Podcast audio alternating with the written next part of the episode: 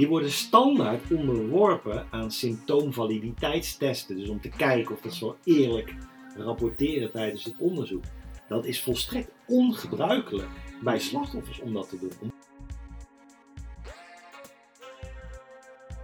Dan ben je, niet, dan, dan ben je, wel, dan ben je aan daderblaming aan het doen, bij wijze van spreken. Dan ben je een etiket aan het opplakken.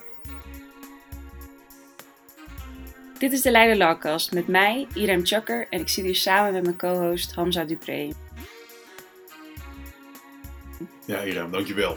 En vandaag hebben we als gast Maarten Kunst. Maarten Kunst, dankjewel dat je aanwezig wil zijn. Dankjewel voor de uitnodiging. Ja, en uh, ja, eigenlijk waar we altijd mee beginnen. Zou je jezelf kunnen voorstellen en vergeet daarbij ook niet je studententijd mee te nemen? Dat wil ik zeker. Ik ben, nou ja, je zei het al, Maarten Kunst. Ik ben uh, hoogleraar criminologie sinds um, nou ja, bijna drie jaar. 1 april 2019 ben ik benoemd aan deze faculteit. Ik ben inmiddels, moet ik eens even goed terugrekenen, al bijna twaalf jaar werkzaam uh, aan deze faculteit.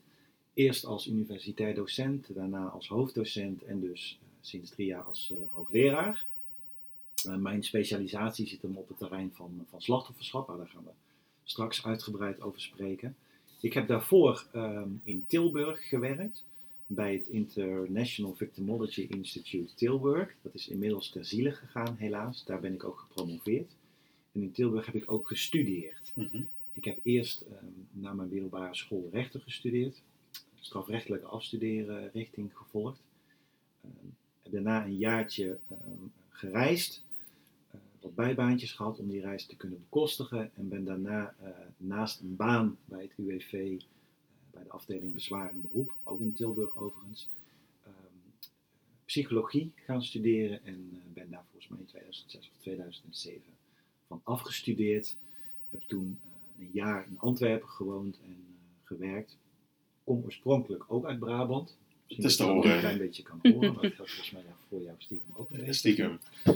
Nou ja, stiekem niet, we mogen daar best trots op zijn. Denk ik. En uh, ja, ik kom daar ook nog steeds met, met veel plezier. Ik ben uh, getrouwd met mijn uh, lieve vrouw Fayette, heb twee kinderen, een dochter en een zoon. Mijn zoontje is vijf en mijn dochter wordt bijna negen.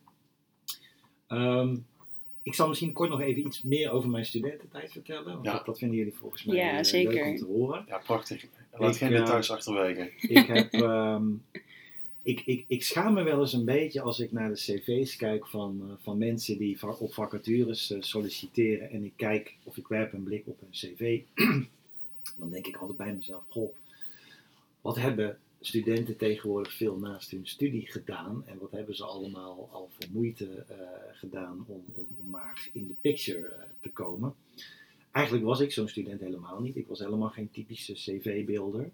Ik heb wel wat dingen naast mijn werk gedaan. Ik was actief bij een studievereniging, eh, onder andere JST in rechten.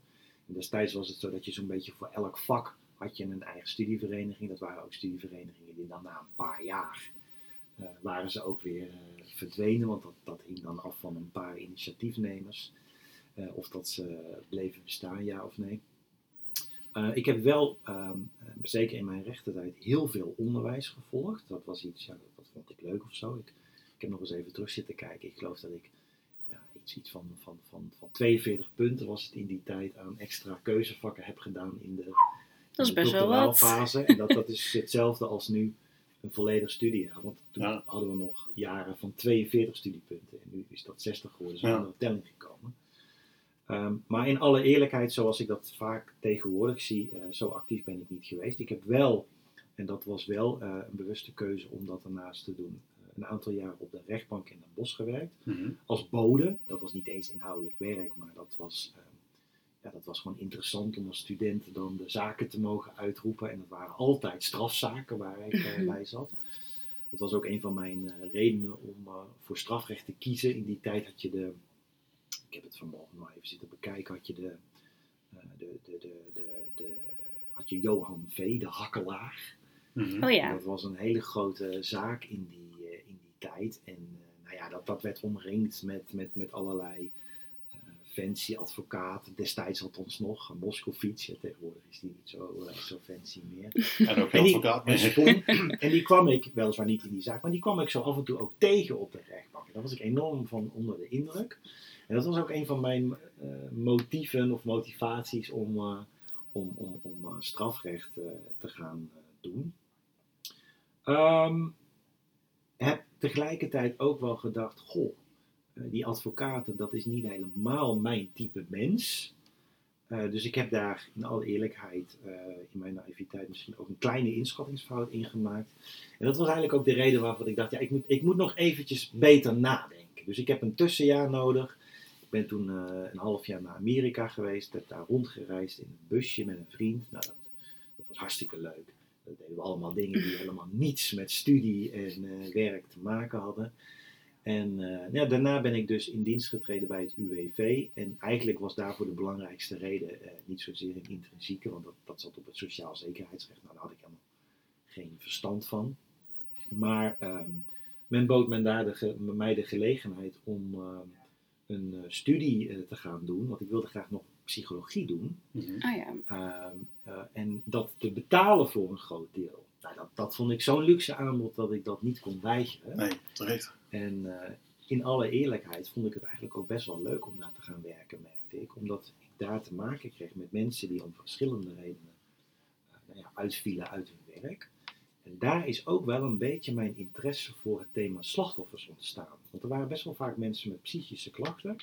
En een van de meest voorkomende psychische klachten bij mensen die eh, een arbeidsongeschiktheidsuitkering aanvragen, althans in die tijd, want tegenwoordig zijn de regels ook weer wat veranderd, was PTSS. Dus dat ze getraumatiseerd waren. Mhm. Ja. En dat vond ik zo razend interessant dat ik dacht, oké, nu, nu zie ik een mogelijkheid om mijn achtergrond in het strafrecht en in de psychologie, om dat samen te brengen. Hè, er was net dat, dat nieuwe instituut Intervict opgericht, wat daar helemaal aan gewijd was. En ik heb toen gewoon de stoute schoenen aangetrokken en een keertje een, een, een mailtje gestuurd van, goh, dit lijkt mij leuk. En eh, toen eh, werd ik eigenlijk eh, ja, ja, zonder slag of stoot, mag ik zeggen, zonder sollicitatieprocedure of wat, werd ik aangenomen. En ook daarvan denk ik achteraf wel eens toe, nou, dat zouden we tegenwoordig helemaal niet meer doen. Dus ik heb wat dat betreft eigenlijk best geluk gehad. Nou, dat is een beetje in het kort, in, in, in, eh, in het kort in grote, grote lijnen wat ik, eh, hoe mijn pad naar Leiden er heeft uitgezien. Nou, leuk, ja. Eh, nou, je zei het net al, Maarten. Ehm, je bent gespecialiseerd in slachtofferschap. Ja. En we gaan het vandaag ook daarover met jou hebben. Over hashtag MeToo, slachtoffers en verdachtes. Maar voor we beginnen met dit onderwerp wil ik onze luisteraars even toespreken. Beste luisteraar, we gaan het vandaag hebben over seksueel overschrijdend gedrag. Dit is een uiterst gevoelig onderwerp. En het zou kunnen dat dit negatieve emoties bij je oproept of een te zwaar onderwerp voor jou is. Misschien wil je deze aflevering liever overslaan. Eh, daar hebben wij natuurlijk alle begrip voor. Wel willen wij in de Leiden Lawcast graag ruimte maken voor dit soort onderwerpen, hoe moeilijk dat ook is. Maarten Kunst weet als wetenschapper veel over dit onderwerp, maar ook voor hem blijft het spannend om dit in een podcastformat te bespreken. En daarom wil ik bij voorbaat eh, benadrukken dat we in deze aflevering ons best doen om dit onderwerp genuanceerd te brengen en we niets aan iemands ervaring af willen doen. We gaan daarbij een kritisch gesprek aan. Dat betekent dat we soms gevoeligheden bloot zullen leggen. En dit doen we omdat we denken dat het belangrijk is om ook over zulke ingewikkelde en gevoelige onderwerpen openlijk te spreken. Daarmee willen wij onze luisteraars aan het denken zetten, maar ook plaatsmaken voor publiek debat. En dat gezegd hebbende, kunnen we denk ik overgaan op het onderwerp van vandaag. Ja, ik vind het een hele verstandige introductie en ik wil er ook nog wel voor mezelf iets aan toevoegen. Omdat ik uit, uit ervaring weet dat ik me soms kan laten meeslepen door mijn enthousiasme. Misschien goed voor de luisteraars om te weten. Ehm, en daarnaast ben ik altijd geïnteresseerd in eh, het bespreken van taboe onderwerpen. En dan vaak op een manier die juist de andere kant op gaat dan eh, gebruikelijk is. Dus ik wil alle luisteraars bij voorbaat uitnodigen als ik iets zeg wat je niet zint of waar je aanstoot aan hebt genomen. Maar voel je ook vooral vrij om me daarover te benaderen. Dan kunnen we daar wellicht met elkaar over in, eh, in gesprek. Misschien dat ik een onhandige uitspraak doe, eh, maar weet dat dat zeker niet eh, uit kwade bedoelingen afkomstig eh, is. Ja, ik denk dat dat een hele mooie is. En ja, mooi je die handreiking ook doet naar, eh, naar de mensen die, die luisteren. Misschien denken van ik ben het er niet mee eens. Juist dat open debat is precies wat we aanmoedigen. Ja, Ja. precies. Dit onderwerp is de afgelopen tijd natuurlijk heel veel in het nieuws geweest. We hebben eh, de Voice-schandaal gehad. En daarna niet heel veel later was het met Mark Overmars van Ajax. Ja. En eh, nog recenter met Nilüfer Gundogan bij Volt. Ja. Dus eh MeToo-zaken komen ook in Nederland veel voor.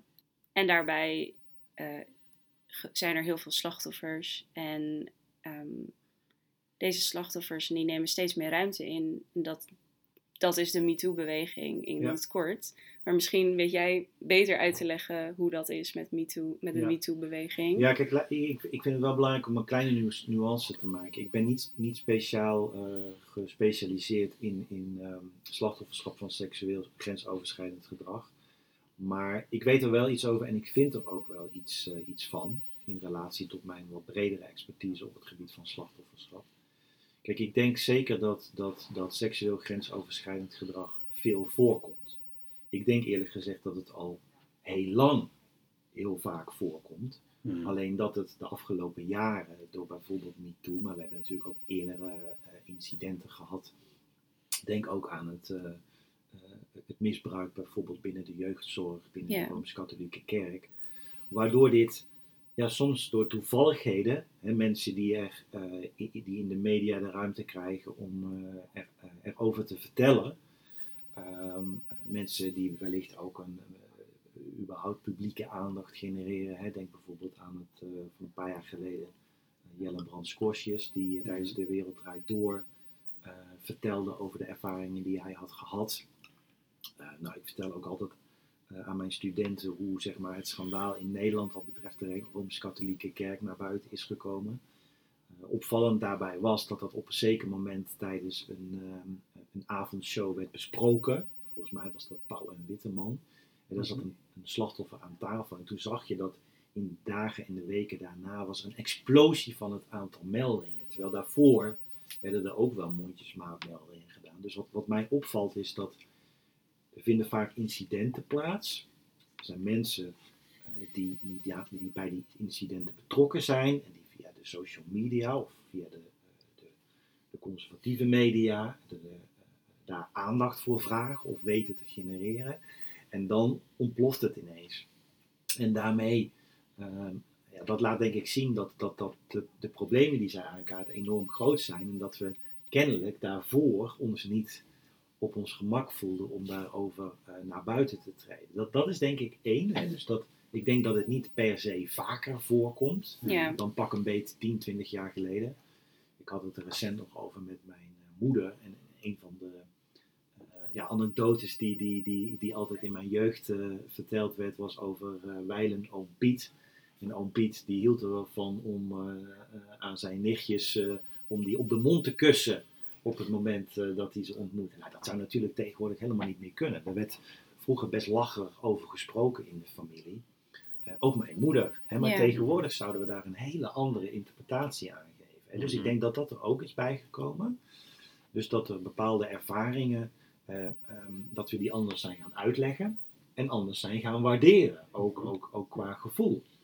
En dat heeft denk ik ook te maken met een bepaalde emancipatie. Hè? Dus dat, dat we bepaalde dingen gewoon niet meer normaal vinden.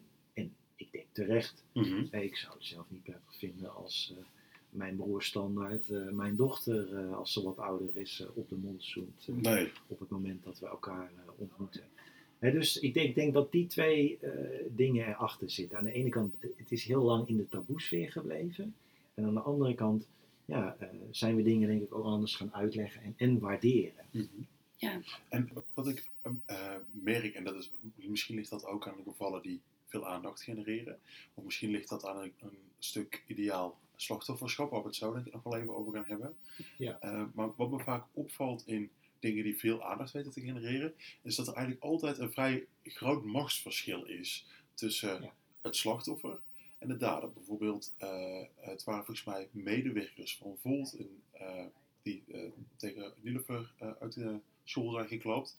En eh, bij de Voice was het een heel groot machtsverschil. Ja. Het waren eigenlijk de gatekeepers die ervoor zorgden of zij hun kans kregen, waar ze zich al helemaal uit de naad werkten. De Rooms-Katholieke Kerk. Nou, ik denk niet dat er een groter voorbeeld te verzinnen is van een machtsverschil wat daarin zit. Ze hadden zowel alle wereldse als niet-wereldse machten in handen om het onder, eh, onder de mantel te houden. Merk jij dat ook op of zie je eigenlijk dat het misschien een, een oververtegenwoordiging is van mensen die dat hebben, omdat we dat een manier van slachtofferschap is die ons meer uh, uh, ja, opzweept? Ja, ik weet niet of het zo is dat, dat ehm, slachtoffers van seksueel grensoverschrijdend gedrag altijd aan het profiel voldoen wat jij nu schetst. Hè? Je noemde mhm. zelf al de, de term ideaal slachtofferschap. Nou ja, voor de luisteraars die dat niet weten, dat heeft betrekking op het idee dat je als slachtoffer bepaalde kenmerken moet hebben om erkend uh, te worden, om erkenning te kunnen krijgen. Uh, en dan, door wie krijg je dan die erkenning? Nou ja, door derden, door mensen in jouw directe omgeving, maar soms ook door maatschappelijke instituties. Denk aan politie of, of inderdaad ook de media. Ik denk wel dat het zo is dat, dat voor de media, dus voor die laatste instituties, um, um, het, nou ja, ik moet even uitkijken met mijn woorden, maar dat, dat, dat zij uh, misschien een beter verhaal kunnen presenteren op het moment dat een slachtoffer aan bepaalde kenmerken voldoet. Hè. En dan heb je het inderdaad over uh, slachtoffers die in een machtsverhouding tot de vermeende dader uh, stonden. Dat vind ik wel belangrijk. Hè. De, dat we het vaak hebben over de vermeende dader of de verdachte. Ja. In dit soort zaken nemen we wel eens wat grote stappen. Hè? Ja. slaan we het hele strafrechtelijke proces over. En ik denk dat dat wel iets is waar we voor moeten waken met z'n allen. Ehm, dus ik denk wel dat, dat, je, dat je gelijk hebt, dat, dat we in de media vaak mensen zien die aan dat profiel voldoen. Maar ik denk niet dat daarmee gezegd is dat alle slachtoffers of de meerderheid van de slachtoffers aan dat profiel voldoen. Oké, dat is wel echt een interessante nuance. Want als je kijkt naar de media beeldvorming, ook hoor dat de meeste mensen erover praten. Hè, dat kan ook mijn interpretatie daarvan zijn. Is dat vaak wel naar dat, dat machtsonevenwicht. Dus dat is wel echt, ik vind het wel een interessant punt dat je zegt van misschien wordt dat ook wel, nou ja, vertekend is misschien een beetje een oneerbiedig woord. Omdat de media een mediaveerige verhaal kan maken van een ideaal slachtoffer. Ja, kijk, anderzijds, we hebben natuurlijk recent met mevrouw Gundogan, uh, die stond misschien ook in een bepaalde machtsverhouding uh, tot haar medewerkers, dat, dat, dat weet ik niet. Uh, Overmars was natuurlijk ook een voorbeeld die in een bepaalde machtsverhouding stond. Um, ik weet niet waardoor het komt dat, dat, dat met name dit soort relaties, of slachtoffer vermeende daderrelaties, mm -hmm. meer aandacht lijken te krijgen in de media dan andere. Dat, dat, dat weet ik eerlijk gezegd uh, niet. Of dat dat komt inderdaad, dat je dan een beter verhaal hebt. Ik, ik sluit het niet uit, laat ik het zo zeggen. Hè, ik, uh, mij valt op, en dan, en dan maak ik ook even een, bruggetje naar een ander thema. Uh, liegende slachtoffers. Hè, dat vind ik, vind ik zelf een razend interessant thema. Mm -hmm. Dat heb ik ook een beetje meegekregen overigens uit mijn ervaringen bij het UWV. Want ik, het is misschien leuk om tussendoor te vertellen daar hadden we op een zeker moment een hoorzitting in een bezwaarprocedure van een man. En die, uh, die had een enorme uh, verwonding aan zijn been opgelopen. En die zou daardoor niet kunnen werken. Liep ook op krukken, kwam ook op krukken binnen. En de arts die hem uh, moest beoordelen in die procedure, die vertelde na de hoorzitting tegen mij toen die man met zijn krukken naar buiten was gelopen: Ik geloof er helemaal geen bal van. Kom, we gaan naar mijn kamer, naar mijn werkkamer.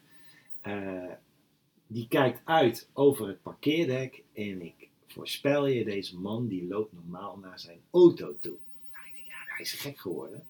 Maar dat deden wij vervolgens en hij trok de gordijnen open. En jawel hoor, die man die deed de deur open en die gooide zijn stok onder zijn arm.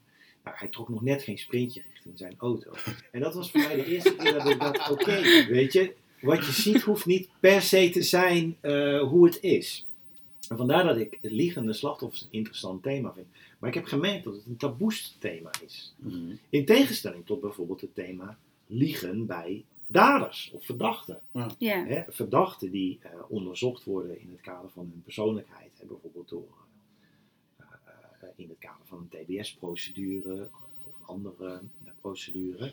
Die worden standaard onderworpen aan symptoomvaliditeitstesten. Dus om te kijken of dat ze wel eerlijk rapporteren tijdens het onderzoek. Dat is volstrekt ongebruikelijk bij slachtoffers om dat te doen. Om überhaupt maar te twijfelen aan de oprechtheid van het verhaal van het slachtoffer. Dat is eigenlijk nog dom. Ja. En, en daar, vandaar dat er ook een soort discrepantie in het onderzoek is. Dat is tenminste mijn interpretatie tussen de literatuur over liegende slachtoffers, die nihil is, die werkelijk nihil is, en de literatuur over liegende daders, waar nou misschien geen boekenkasten vol, maar dan toch wel een aantal plankjes van boekenkasten, vol, uh, van boekenkasten over zijn uh, volgeschreven. Kijk, het slachtoffer moet voldoen aan een bepaald beeld. Hè? Althans, om die media-aandacht te krijgen. En da daarbij hoort ook dat we niet het slachtofferschap in twijfel trekken. Victim blaming. Hè, dan, ja. dan, ligt inderdaad uh, victim, uh, victim blaming uh, op de loer. Um, kijk, dat ideale slachtofferschap, dat is misschien nog wel goed om, om erbij te vertellen. Dat is afkomstig van een Noorse criminoloog, Niels Christie. Die heeft in de jaren 80 een, ja, vind ik eerlijk gezegd, vrij slecht stuk geschreven.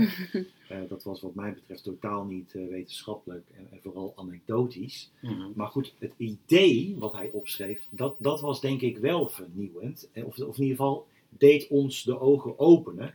En het idee was van ja, je moet aan bepaalde kenmerken voldoen om uh, meer of minder aandacht te genereren als slachtoffer, om al dan niet erkend te worden als slachtoffer. Um, er is sindsdien heel veel onderzoek gedaan naar, naar van ja, wat, wat, zijn dan die kenmerken? Dus dat, dat is, hoe, moet je je gedragen als uh, slachtoffer? Nou, daar is ook bijvoorbeeld heel de, de victim blaming literatuur, uh, is de, is de, kun je daaraan linken. Er is heel veel onderzoek over, nou ja, over hoe dat slachtoffers zich, zich gedragen in het uitgaansleven bijvoorbeeld. bepaalde uiterlijke kenmerken. Hebben ze alcohol gebruikt, ja of nee? Nou ja, dat, dat zijn allemaal kenmerken die iemand niet tot ideaal slachtoffer maken. Um, en daartegenover staat dat er bepaalde kenmerken zijn die mensen wel tot een ideaal slachtoffer kunnen maken. Bijvoorbeeld, um, je, je bent jong, je bent vrouw. Dat soort kenmerken, die worden eerder gelinkt aan de status van slachtoffer dan andere kenmerken. En wat je ziet is in de, dat is mijn interpretatie van de literatuur tenminste, is dat dat idee ook een vlucht in de, in de wetenschap heeft gekregen. En eigenlijk op een wat eenzijdige manier. Er is, het is overigens ook vrij recent is pas echt bekeken pardon, uh, of inderdaad mensen geneigd zijn om slachtoffers op bepaalde kenmerken, zoals Christie die ook onderscheidt, te beoordelen. En dat lijkt inderdaad zo te zijn. Tegelijkertijd is het wel zo dat, dat het meeste onderzoek is gedaan onder studenten. Dus of dat we daar ja. nu ook mee kunnen zeggen dat de hele wereld zo naar slachtoffers kijkt. Ja, ik denk het niet. Ik denk dat we daardoor, uh, daarvoor nog wat beter en meer onderzoek ook buiten de populatie van studenten zouden, zouden moeten doen. Um, maar, en dat, dat wilde ik zeggen, je ziet dus dat er een bepaalde tendens is om, uh, om, om specifieke kenmerken wel te onderzoeken en om bepaalde andere kenmerken of bepaalde andere onderwerpen die je aan die kenmerken zou kunnen linken, om die juist niet te onderzoeken. Mm -hmm. Ik weet niet of het zo is, maar dat is mijn indruk. Uh, om, een, om een specifiek voorbeeld te noemen, het liegen van slachtoffers, dat is eigenlijk een taboe onderwerp -hmm. binnen de victimologische literatuur. Als je gaat kijken naar dat thema, dan zijn er eigenlijk heel weinig studies die daarnaar hebben gekeken. In tegenstelling bijvoorbeeld tot de daderliteratuur, waar nou ja, bijna boekenkasten vol over uh, tests die zijn ontwikkeld om, om, om liegende van niet-liegende daders te kunnen onderscheiden. De prevalentie van leugenachtig gedrag, nou ja, dat is misschien ook een onderdeel van psychopathie bijvoorbeeld, om, om dat in kaart te brengen. Dus daar zie je een soort disbalans. Mm -hmm. ja. Dus dat wat jij nu signaleert, met betrekking tot de media. Je moet aan een bepaald profiel voldoen. Dat, dat zie ik, jammer genoeg, zeg ik erbij, mm -hmm. zie ik ook terug in de wetenschap. Dat het een beetje een eenzijdig beeld creëert van, van, van wat nou een ideaal slachtoffer is en hoe dat slachtoffers in elkaar uh, lijken te steken. Dat, dat stuk van Christy waar je het over hebt, volgens mij heb ik dat wel eens van jou opgekregen uh, voor een voor Daagse slachtoffers. Is dat dat hij aan de hand van uh, de kruisiging van Jezus en uh, de Civil Rights Movement en zo, dus stapsgewijs uitlegt hoe ons beeld is gevormd. Is dat dat stuk?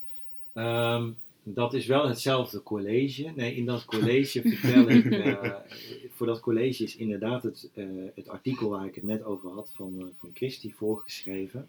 Maar eh, en dat is, zeg ik in alle, eh, in alle eerlijkheid bij, eh, ook een beetje mijn eigen interpretatie van de geschiedenis. Ik probeer daar te verklaren hoe dat het komt dat het eigenlijk zo lang heeft geduurd, af en we begonnen ermee, dat, het, ehm, ehm, dat, dat slachtoffers geëmancipeerd zijn. En zeker slachtoffers van, van seksueel misbruik. Als je goed terugkijkt in de geschiedenis, en, nou dat begon natuurlijk bij, bij de moeder van alle slachtoffervormen, de Holocaust mensen die na de Tweede Wereldoorlog terugkeerden uit de kampen.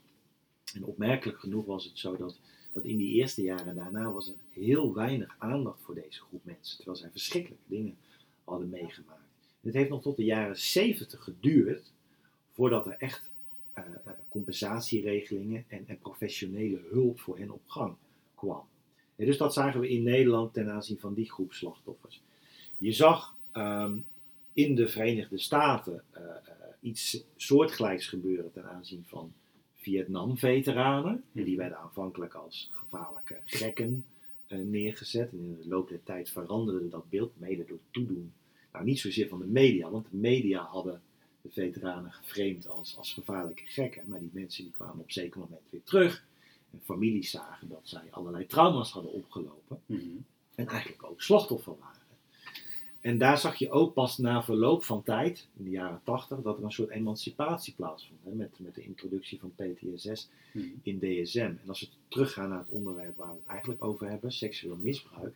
Daar heeft uh, de vrouwenbeweging een belangrijke rol in gespeeld. Ook in diezelfde jaren 70, 80. En met de eerste uh, Blijf van mijn lijfhuizen in, in Amsterdam was volgens mij in Nederland het eerste. En dat is, dat is afgekeken uh, van de Verenigde Staten. Hè. Er was een groep geloof dat dat de Dolomina's waren, die ook in de Verenigde Staten zijn geweest. Uh, om te kijken hoe dat het daar was geregeld. Daar, daar, vond die emancipatie eerder plaats. En daar gingen vrouwen uh, de straat op om te, te, protesteren voor hun rechten en aandacht te vragen. Nou ja, onder andere voor seksueel geweld tegen vrouwen. En daar zag je die eerste shelters, zoals ze dat in het Engels noemen, ontstaan. En iemand die daar um, althans volgens de literatuur, een hele belangrijke rol in heeft, heeft gespeeld.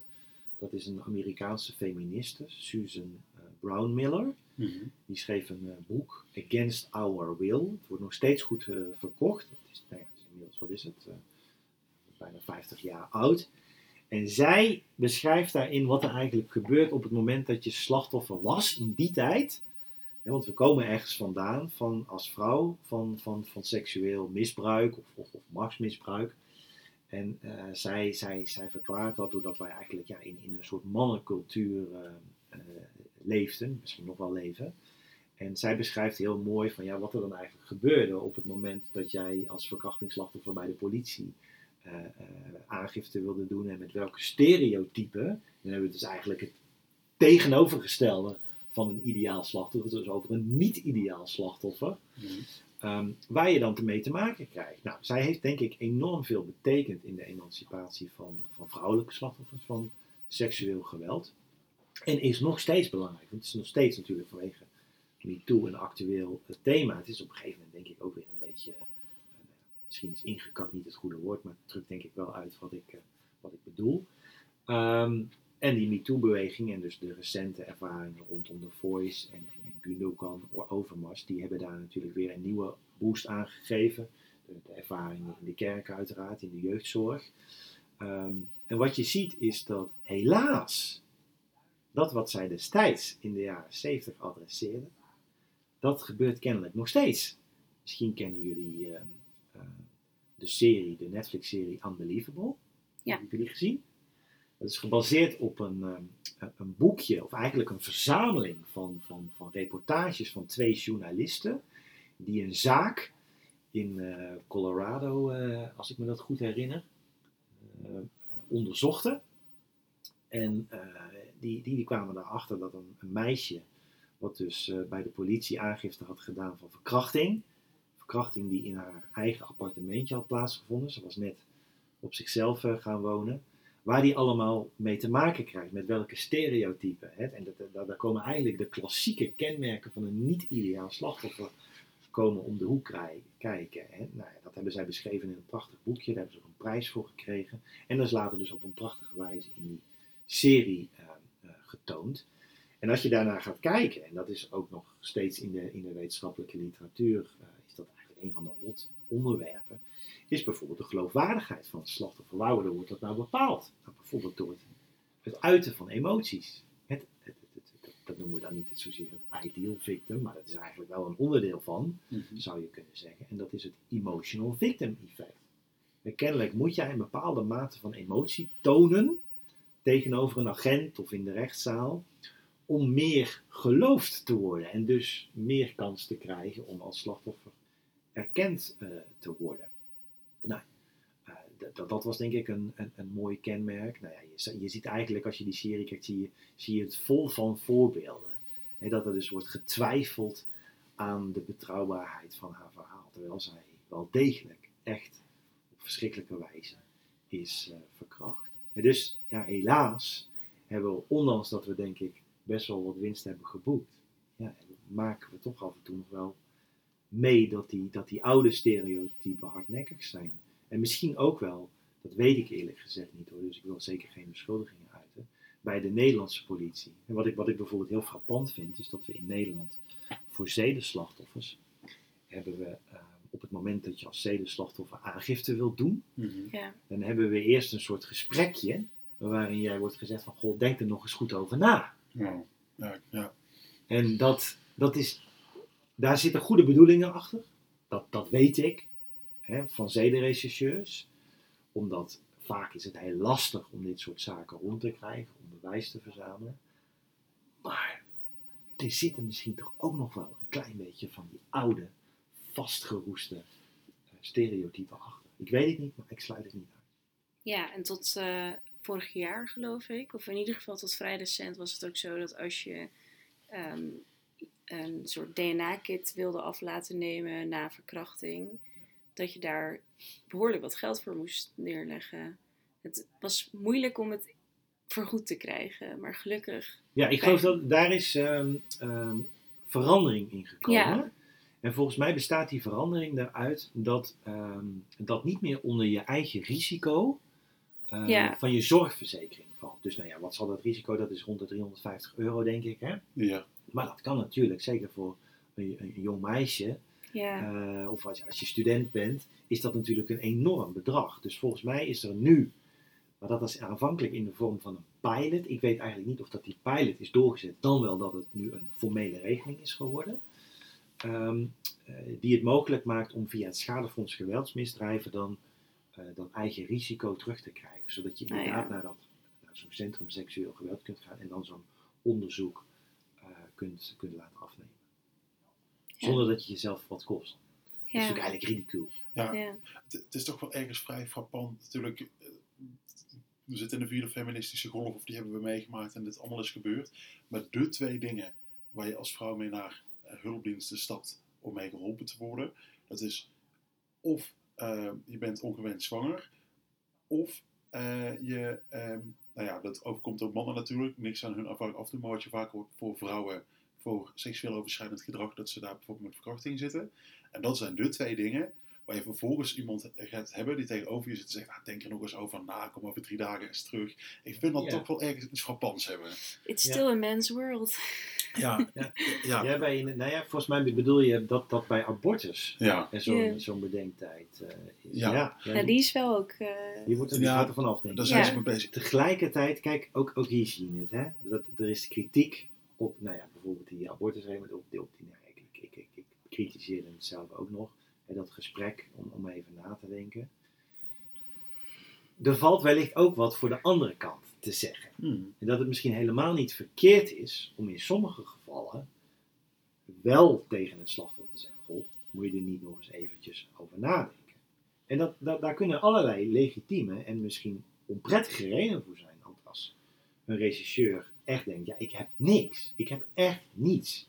Ik heb alleen jouw verklaring. Je, je kunt geen ge- getuigen afleggen. Je hebt niet gezien eh, wie jou heeft verkracht. Hè, want die had, een, die had een muts op. Je weet verder eigenlijk heel weinig te beschrijven. Ik kan geen sporenonderzoek meer bij je doen, want het is inmiddels al een paar weken geleden. Je bent al nou ja, tig keer eh, inmiddels in bad of onder de douche eh, geweest. Ik kan me voorstellen dat het voor sommige slachtoffers, sterker nog, de politie heeft ook tegenwoordig de plicht om slachtoffers te screenen, onder andere op secundaire victimisatie. Hè, dus dat betekent dat je nog een trap nakrijgt tijdens het strafproces. Dat je als je dat voorziet, maar ik denk wel dat je dat met misschien iets meer waarborgen zou moeten omkleden zoals dan dat het nu gebeurt. Dus dat je misschien nog eens een vrouwelijke rechercheur vraagt om ook mee te luisteren. Of dat het inderdaad een goed idee is om, eh, om het slachtoffer eh, het advies te geven om nog eventjes na te denken. Maar eh, dat, dat je het nooit zou doen, dat, zover zou ik ook niet, niet, niet, dus niet willen gaan. Ja. Ja. En, eh, en daarnaast, kijk, dat, dat, daar hebben we nog niet over gesproken, maar dat vind ik toch belangrijk om nog een keertje te, te, te zeggen. Kijk, op het moment dat jij je meldt als slachtoffer, oké, dan moet je onmiddellijk, althans dat, dat, dat vinden we met elkaar en ik denk dat dat een goed uitgangspunt is, moet je serieus genomen worden. Ja. Maar op het moment dat er een verdachte in beeld is, een Hmm. vermeende dader, ja, dan, dan, moeten we wel eerst gaan toetsen of het verhaal wat door het, de aangever verteld wordt, of dat dat klopt. Mhm. En ik vind het zelf belangrijk dat dat gebeurt. En dat we pas over daders gaan praten op het moment dat die toets heeft plaatsgevonden. Dus ik kan me ook voorstellen dat wanneer er redenen zijn om te denken, goh, misschien dat die toets in het nadeel van het slachtoffer uitvalt. Misschien kun je dat in het begin van de procedure nog helemaal niet beoordelen, maar misschien ook wel, dat weet ik niet. Dan zou ik het niet per se verkeerd vinden om ook dat als reden mee te geven aan het slachtoffer. Eh, om, wellicht eventjes wat bedenktijd, of misschien niet zozeer bedenktijd, maar wel om, om aan te geven van, goh, luister, je gaat nu een strafrechtelijke procedure in. Wij gaan dit onderzoeken en dat betekent dat we niet alleen jouw verhaal, maar ook, want jij wijst nu concreet iemand aan als verdachte, dat we ook het verhaal van die ander gaan onderzoeken. Ja, ik denk dat het voor veel slachtoffers lastig is als je dat te horen krijgt voordat je aangifte gaat doen. Ehm, in plaats van dat jouw aangifte gewoon erkend wordt als aangifte. Ik denk dat dat voor een groot deel van de slachtoffers gewoon heel erg helpt op het moment dat de politie ze serieus neemt. En wel natuurlijk waarschuwt voor wat je Ik, al ik wil wel een nuance maken, want je maakt een terecht punt. Ik vind niet dat je slachtoffers moet ontmoedigen om aangifte te doen. Ja. Dat moet je wat mij betreft nooit doen. Mhm. Want als iemand een valse aangifte doet, kijk dan, dan kun je die persoon daar later strafrechtelijk voor vervolgen. Een iemand die aangifte wil doen, die moet je serieus nemen, daar moet je de aangifte van optekenen. En dat geen, geen discussie over mogelijk, wat mij betreft. Maar dat neemt niet weg, en dan zit je nog steeds in die beginfase, Ja. dat je daarna, als je daar aanwijzingen voor hebt, best af en toe, zoals wij nu een gesprek met elkaar voeren, Mhm. gewoon in gesprek kunt gaan met, met het slachtoffer op het moment dat er twijfels zijn. Ik vind dat, dat vind ik niet per se verkeerd. Mhm. Nee, dat denk ik ook niet. Ja. Ik denk ook dat het gewoon een heel lastig Ja, eh, lastig onderwerp is om te bewijzen. Het is gewoon. Heel veel zedenzaken zijn tussen twee personen waar niemand bij is. En dan is het vaak het ene verhaal tegen het andere. Ja, en het onderscheidende aspect tussen eh, een eh, geslachtsverkeer hebben, laten we het een beetje eh, achter in min houden, en eh, deze podcast, tussen geslachtsverkeer hebben en een verkrachting, is het, het consentaspect, juist. toch? En dat, dat is bewijstechnisch heel ingewikkeld. Ben blij dat je dat zegt, want die nuance had ik ook moeten maken. Kijk, het gaat er niet zozeer om, wat mij betreft, om, om eh, de geloofwaardigheid van het verhaal van het slachtoffer in twijfel te trekken. En dat dat een reden zou moeten zijn om met het slachtoffer in gesprek te gaan over het vervolg van een strafproces, omdat wat het wel verstandig is om wel of niet door te gaan.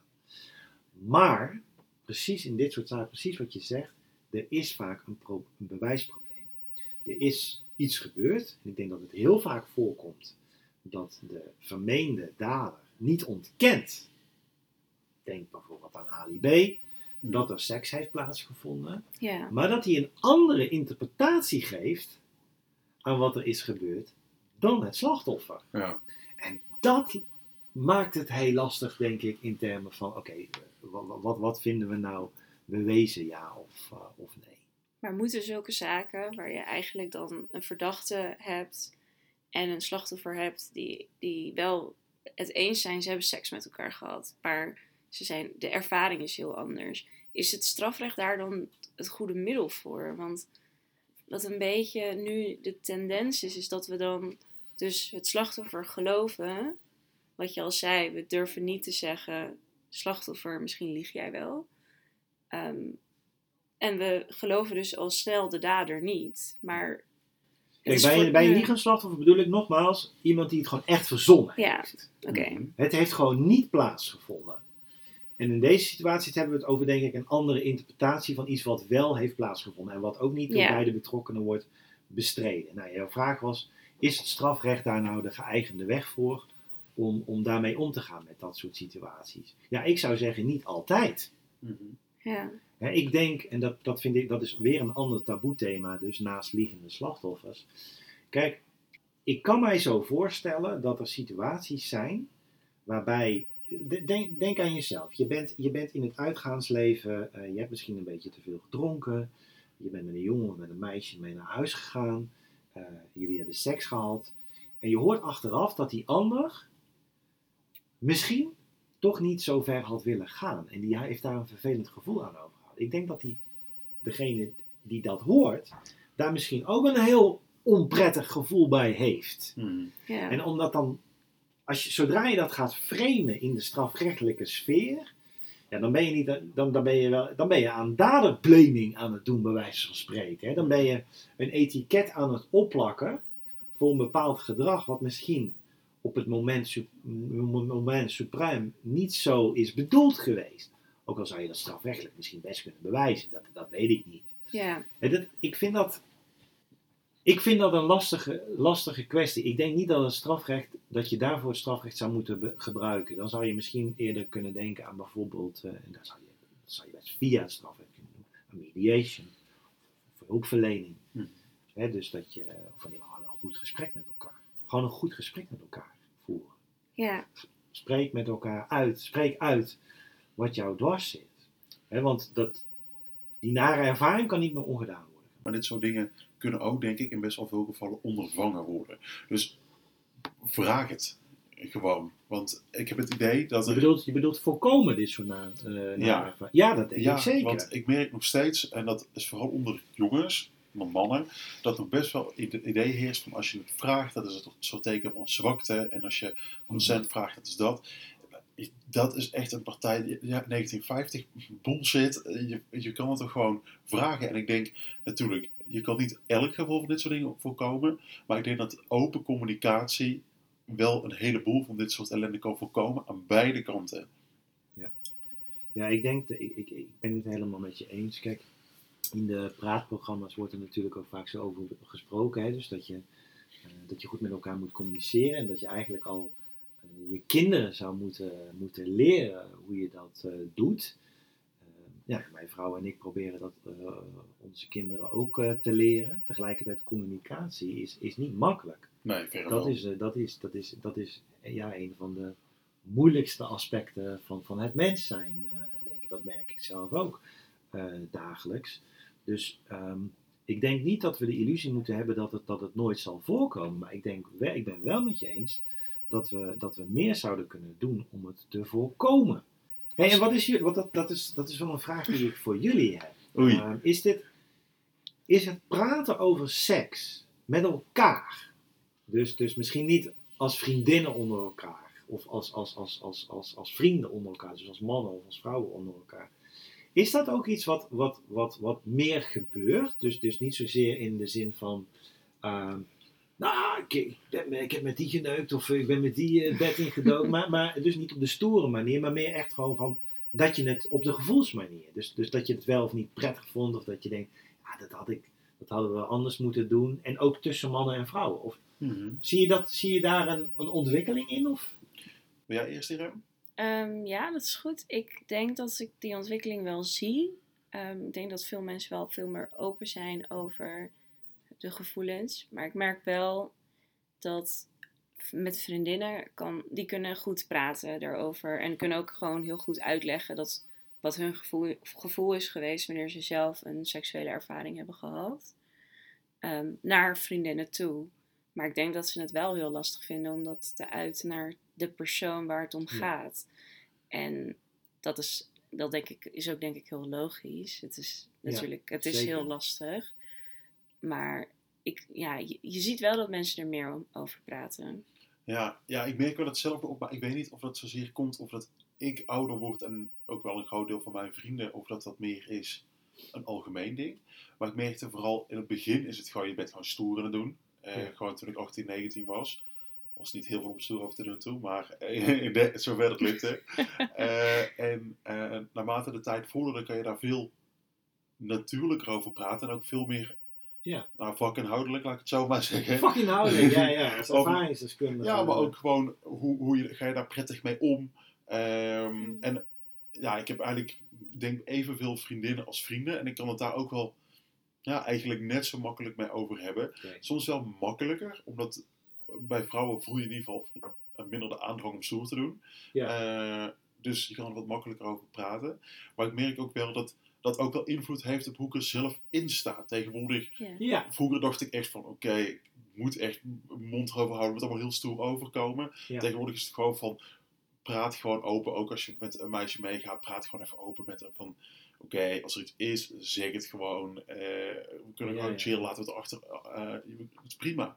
Dus ik merk wel, ik kan het daar zowel eh, in theorie als praktijk makkelijker over hebben. En ik denk dat die twee, Ja. vooral theorie, ook wel invloed heeft op praktijk. Dus ik merk dat wel.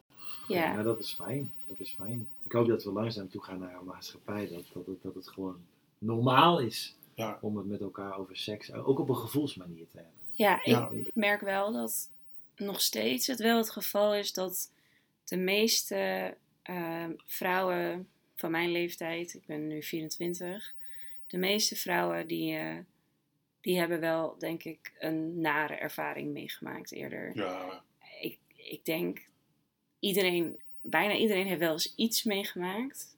En de helft wel een hele heftige ervaring. Dus Ja. ja. het is denk ik daardoor nog steeds wel heel lastig om over te praten. Want Ja. ken van al die vrouwen ehm, zijn er niet veel die aangiftes of iets daarmee hebben gedaan. op basis van de mensen waar ik mee over heb gehad, kan ik dat echt 100% onderschrijven. Ja. Ja. Jeetje zeg. hey, ik, ik wil er nog nog wel iets aan toevoegen aan van, van wat je zei. Van, hè, want voorkomen is natuurlijk beter dan eh, genezen. Eh, wat, wat, wat, wat, wat mij opvalt in het publieke debat is dat we dan, ehm, nou ja, in het voorgesprekje refereerde ik al aan een voorbeeld. Hè, ik geloof dat het bij, bij Johnny de Mol een aantal geleden aan, weken geleden aan tafel was. Eh, toen ging het dan met name over het opvoeden van jongetjes. En Ja. Dat je jongetjes moet bijbrengen hoe dat ze moeten communiceren en hoe dat ze zich moeten gedragen tegenover meisjes. Eh, tegelijk, dat vind ik een hele goede ontwikkeling. Tegelijkertijd vind ik dat we niet naïef moeten zijn. Ik denk niet dat we ooit in een wereld terechtkomen waarin dit soort nare dingen nooit gebeurt. Dat, dat willen we wel graag met z'n allen. In een wereld leven waar, waar we volstrekt veilig zijn. Ja, die ideaalwereld bestaat niet. Maar die wereld bestaat niet. En we hebben de neiging om daar toch naar te streven. Maar we moeten uitkijken dat we onszelf niet tekort doen, Mhm. ook bij dit onderwerp, door daar naartoe te werken. Want ik denk dat je eh, eh, daarmee de, de potentiële slachtoffers tekort zou doen. En helaas is het zo, onder andere door die, die Susan Brownmill, die overigens dus heel veel goeds heeft gedaan.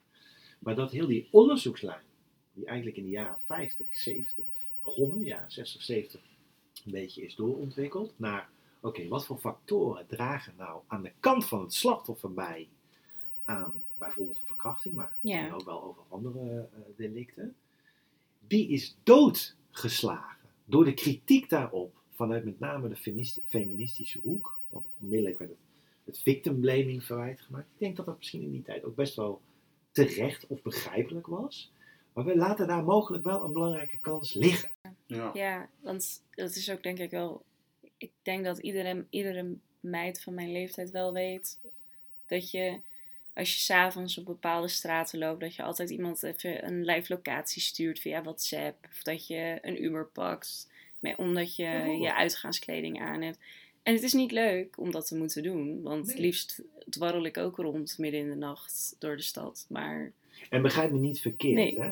Al dit soort dingen die jij nu noemt, stel dat je niet eh, even Ja. dat, dat bericht verstuurt, daarmee is niet gezegd dat het jouw schuld is dat het dan vervolgens gebeurt. Nee, het is een zelfbescherming. Die causale relatie, die, die, die moeten we nooit trekken. Mensen maken dat causale verband vaak wel.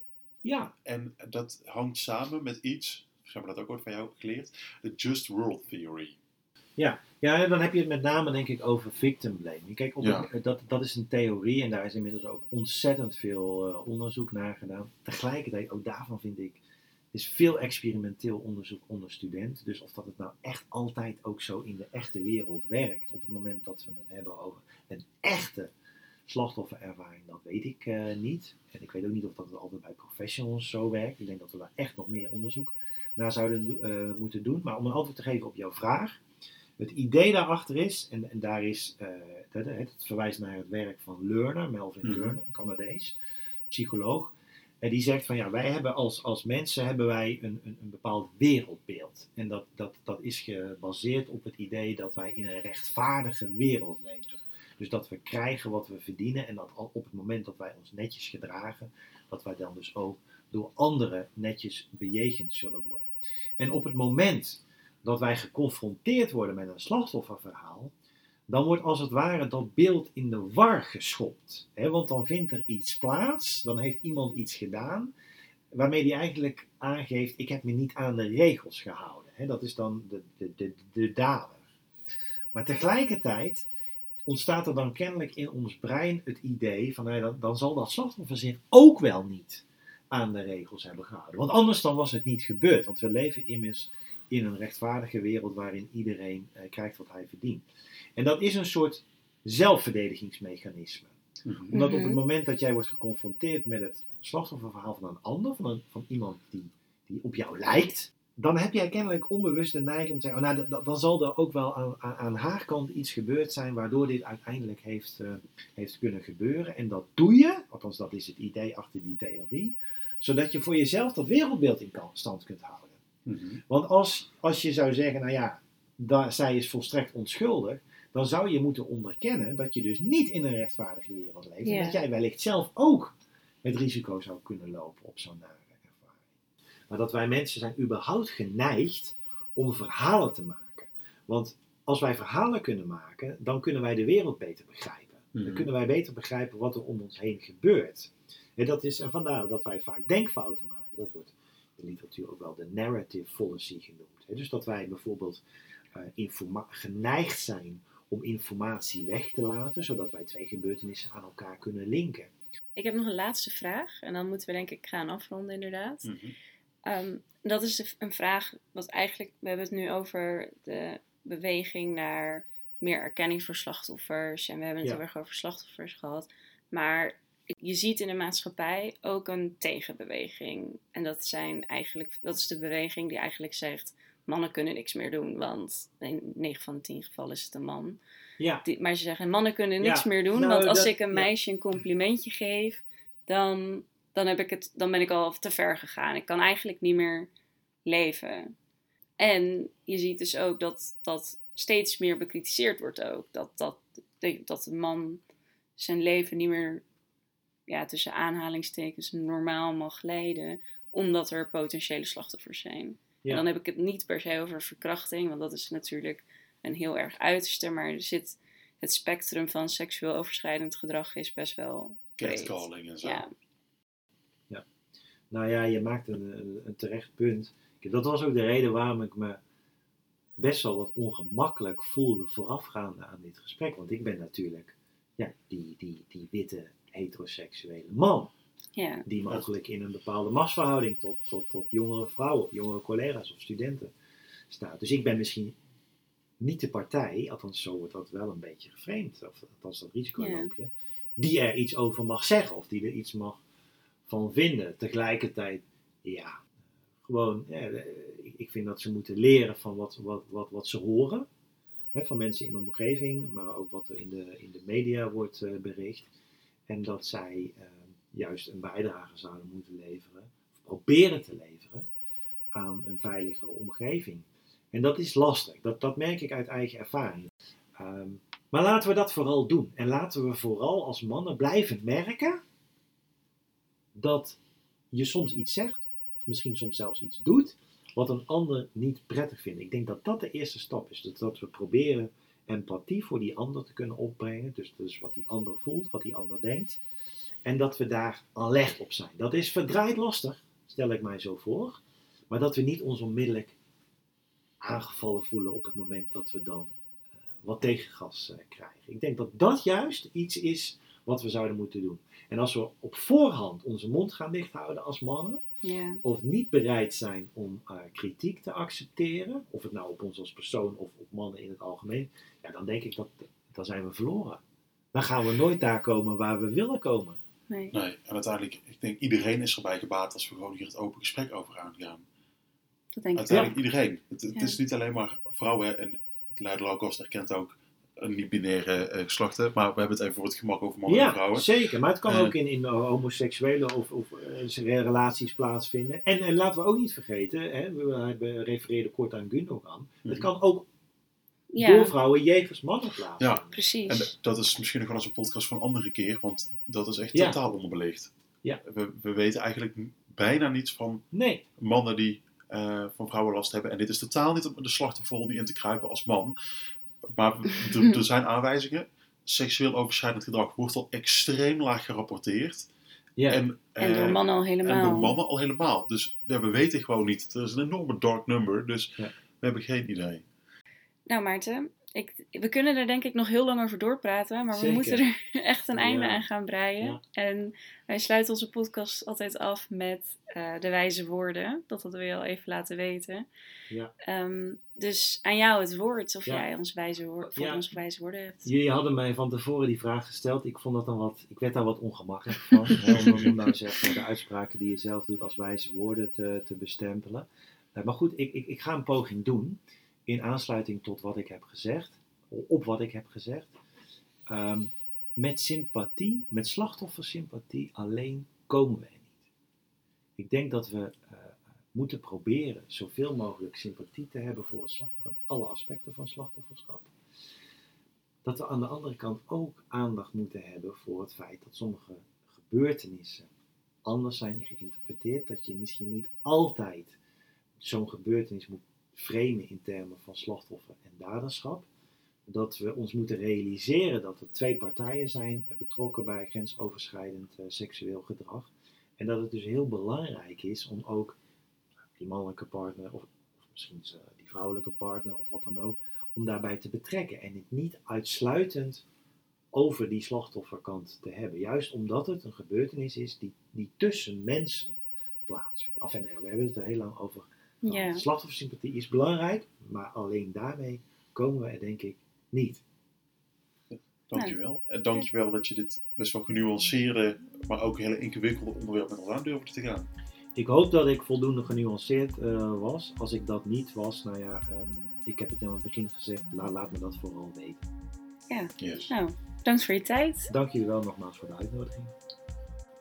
Beste luisteraar, bedankt voor het luisteren. Mocht je op dit moment zitten met een eigen probleem met betrekking tot, tot bijvoorbeeld seksueel overschrijdend gedrag, dan willen we je graag laten weten dat je kunt spreken met Slachtofferhulp Nederland. Dat kan via telefoonnummer 0900 0101 of slachtofferhulp.nl. Ook kun je contact opnemen met het Centrum voor Seksueel Geweld via 0800 0188 of via cen- centrumseksueelgeweld.nl of met mindcorrelatie via 0900 1450 of mindcorrelatie.nl. Eh, mocht je een luisteraar zijn van de Leidse Universiteit, dat kan een student of medewerker zijn, dan is het ook mogelijk om contact op te nemen met de vertrouwenspersoon ongewenst gedrag of de klachtencommissie ongewenst gedrag. Ook mag je ten alle tijde contact opnemen met je studieadviseur of een vertrouwde docent of medewerker. Wij zullen in ieder geval een link naar al deze instanties plaatsen in onze show notes. Yes, dankjewel Ingrid. En nu het leuke stukje, de outro. Dit was de Leider Lawcast. Dankjewel allemaal voor het luisteren. Vond je deze aflevering leuk? Like, subscribe, geef 5 sterren of deel het met je vrienden, familie, collega's, andere aanverwanten, kennissen. En eh, volg ons natuurlijk ook op @leiderlaw op social media. Leider Lawcast, verdacht vermakelijk.